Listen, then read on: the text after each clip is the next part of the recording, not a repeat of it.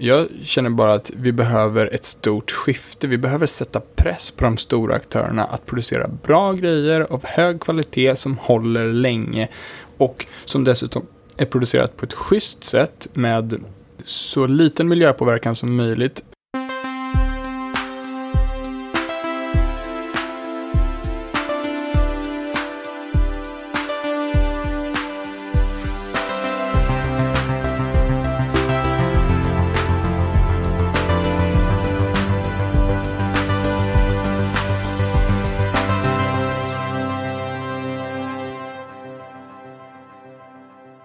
Det här är Framtiden. Vi sänder från Sankt Eriksgatan 117 i Stockholm. Eh, Bilpalatset. Um, och nu är jag uppe på våning tre på Tradera och Paypals kontor. Och träffar Pierre Ferron Norberg. Välkommen till Heja Framtiden. Tack så jättemycket. Tack. Marknads och uh, säljchef på Tradera Sverige.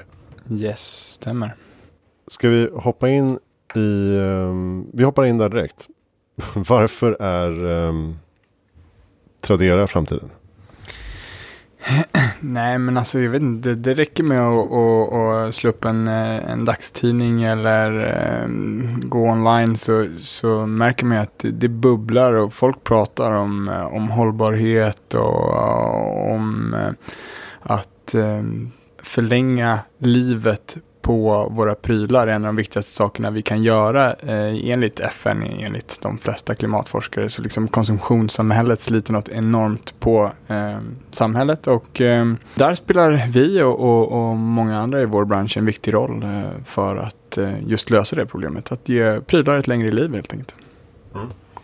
Du kommer från en bakgrund på L'Oreal tidigare. Som jag uppfattar det så blev det någon slags eh, frustration eller uppvaknande där som fick dig att byta bransch? Kan du berätta vad, vad du såg?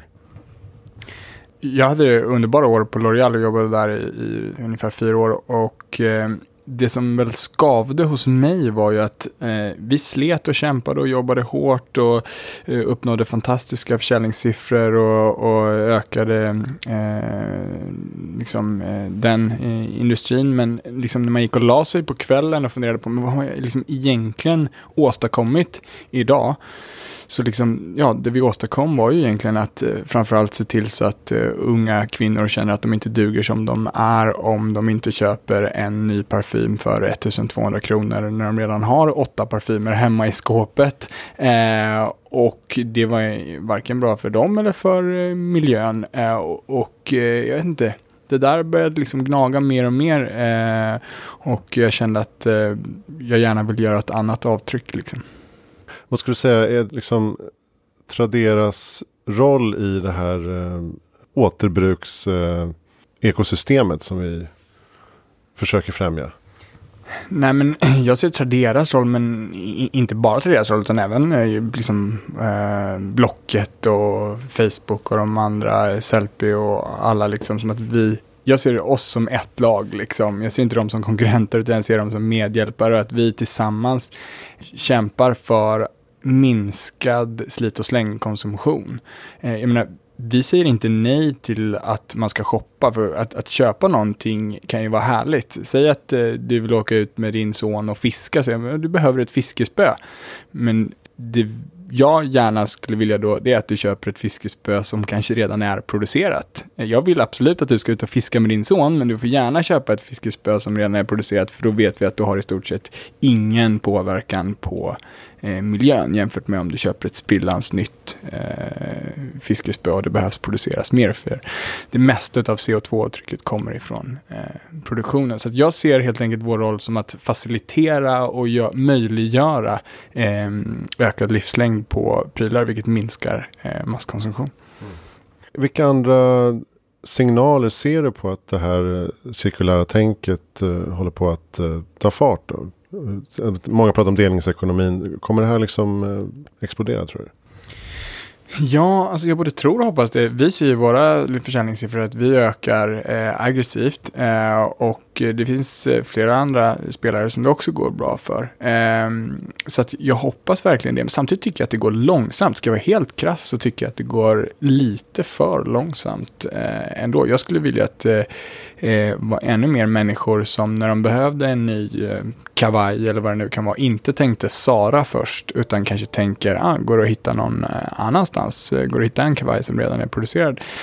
Så att om jag pratade förut om vilka som jag ser oss som våra liksom medhjälpare och ser oss i samma lag som, så skulle jag väl säga att motpolen det är H&M och Sara och Rövgänget om jag får säga så, som, eh, som eh, kör eh, ehm, 20 kollisioner om året och har så dålig kvalitet på sina grejer att ja, men det går inte ens att använda mer än ett, ett par gånger. Liksom. Det, är, det är ju en kjol som är tillverkad för att klara ett par kvällar. Liksom. Eh, och, och, och det är ju liksom som upplagt för slit och släng. Um, och det, det vet vi är dåligt för miljön. Så att eh, det, är, det är lite motståndarlaget om vi säger så. Mm. Hur kan man påskynda utvecklingen av om det sen till exempel kläder då på nätet second hand? Är det, det måste vara svårt att få det att kännas liksom tillräckligt attraktivt och fräscht för att vara superkrass så eh, vi och hela branschen kämpar emot tre känslomässiga grejer. Eh, dels så, så, kanske folk upplever att det är lite mäckigare eh, att köpa någonting eh, begagnat för att man köper inte direkt utav eh, Nelly.com eller någonting sånt där man vet att eh, eh det är liksom Eh, jag menar, en, en, labrador kan checka ut på Nelly.com liksom, medan eh, om man ska köpa någonting på Facebook, Blocket eller Tradera så kanske det är lite meckigare. Så det kämpar vi emot och sen så kämpar vi emot det som du säger, att det kanske kan upplevas som lite ofräscht att någon annan haft på sig den där kavajen innan.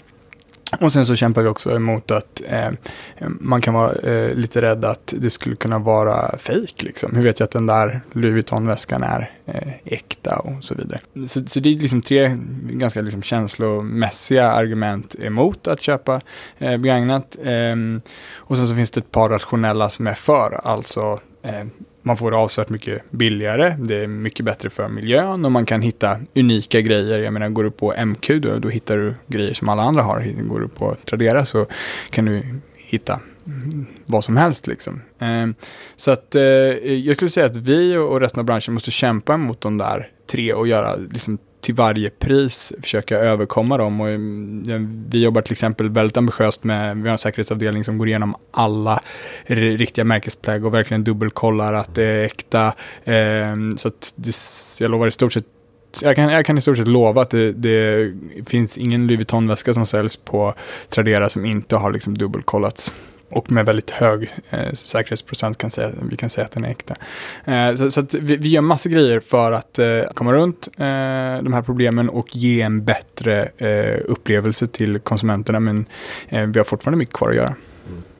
99 grundades eh, Tradera av Kaplans auktioner eh, och sen köptes det av eh, Ebay 2006. Och nu så har ju Ebay och Paypal delats upp, va? två mm. bolag. Mm. Och sen, fem, sen 2015 så ingår Tradera i Paypal. Mm. Som nu även köpte iSettle. Mm. Så det finns ju ett fantastiskt spännande ekosystem hos er eh, i koncernen. Vad ser du för möjligheter där att eh, liksom, utveckla det här cirkulära tänket? Nej, men det är klart att eh, Paypal är ju en, eh, en stor aktör inom betallösningar och eh, en väldigt viktig del av transaktionen är ju hur man betalar och hur man gör det på smidigast möjliga sätt. Så det är klart att vi använder deras erfarenhet och deras möjlighet och deras andra produkter som de också har i sin portfölj för att kunna göra det ännu enklare för våra användare och vi håller på att jobba med, med betallösningar nu för att göra det ännu mer smooth helt enkelt för användarna framöver. Så det är nice. Jag gillar hur du fick in en annan, ett annat företags eh, eh, tagline. Just det, ett, en, en annan eh, aspekt av dig som jag ramlade på när jag googlade. Det är att eh, du har ju 344 följare på ditt Instagram. Och sen hittade jag ditt andra Instagram. Eh, ditt jakt-Instagram. Där du har 25 000 följare. Eh, och du jobbar med ett eh, YouTube-program som heter Jakta Jakt.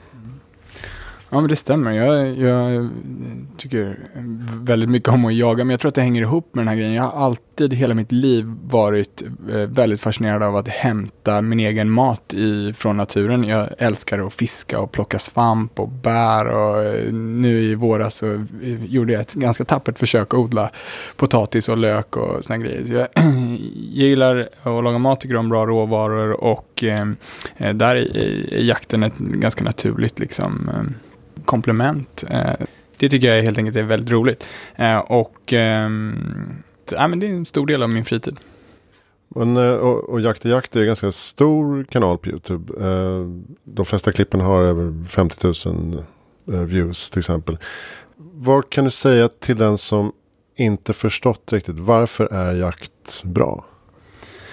Ja, men för mig, jag tycker att det knyter ihop um, många upplevelser. Eh, dels som jag nämnde att man får fina råvaror, men man får också underbara naturupplevelser. Eh, eh man får spännande, ehm, eh, man får liksom spänning, eh, man träffar sina vänner och man samarbetar med hundar. Och liksom så, här. så det är helt enkelt väldigt, väldigt roligt. Och sen så, för att vara krass, eh, så tycker jag också att det är väldigt mycket bättre att äta viltkött än att gå och köpa eh, en fläskkarré på ICA som man vet är antibiotika preppad till tusen och, och, där djuren har åkt i hemska djurtransporter. Men man behöver bara kolla två minuter på Kalla fakta om djuruppfödning för att känna att gud, det där vill inte jag vill vara en del av. Liksom. Sen har jag full respekt för att alla kanske inte har möjlighet att, att, att jaga sitt, sitt, eget vilt och sådär. Men jag har valt att äta kött och, och och eh, jag har möjligheten att jaga och det, då, för mig känns det nästan som en plikt liksom att så här, det,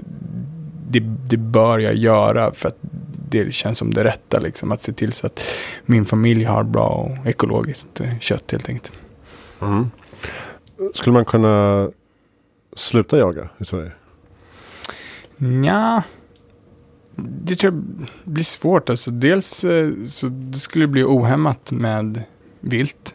Och eh, dessutom så då skulle ett antal hundratusen människor eh, behöva köpa kött istället. Eh, vilket eh, känns som dåligt. Det känns som oschysst. Eh, jag, jag, tycker, utan att bli liksom för eh, pretentiös, och, så, så, så, tycker jag att eh, liksom den djurhållning som vi på många ställen har idag är eh, ett av människans värre brott eh, faktiskt. Jag, jag, hoppas att, att det är en industri som kan bättra sig på många områden. Så att, så att eh, eh, jag skulle tycka det var sorgligt om, om, om folk slutade jaga för då skulle det bli mer dålig produktion av kött. Och eh, en eh, enorm utveckling av eh, eh, dödliga trafikolyckor som man kan tänka sig. Ja, verkligen. Och framförallt skulle det inte finnas några som kunde göra trafikeftersök eh, när det blir olyckor. Ja, just det. För det gör ju jägarna. Mm. Mm. Om vi får, om vi får um, heja framtiden, spana lite framåt då. Vad är det för typ av liksom, samhälle eller ekonomi som vi vill uh, uppnå?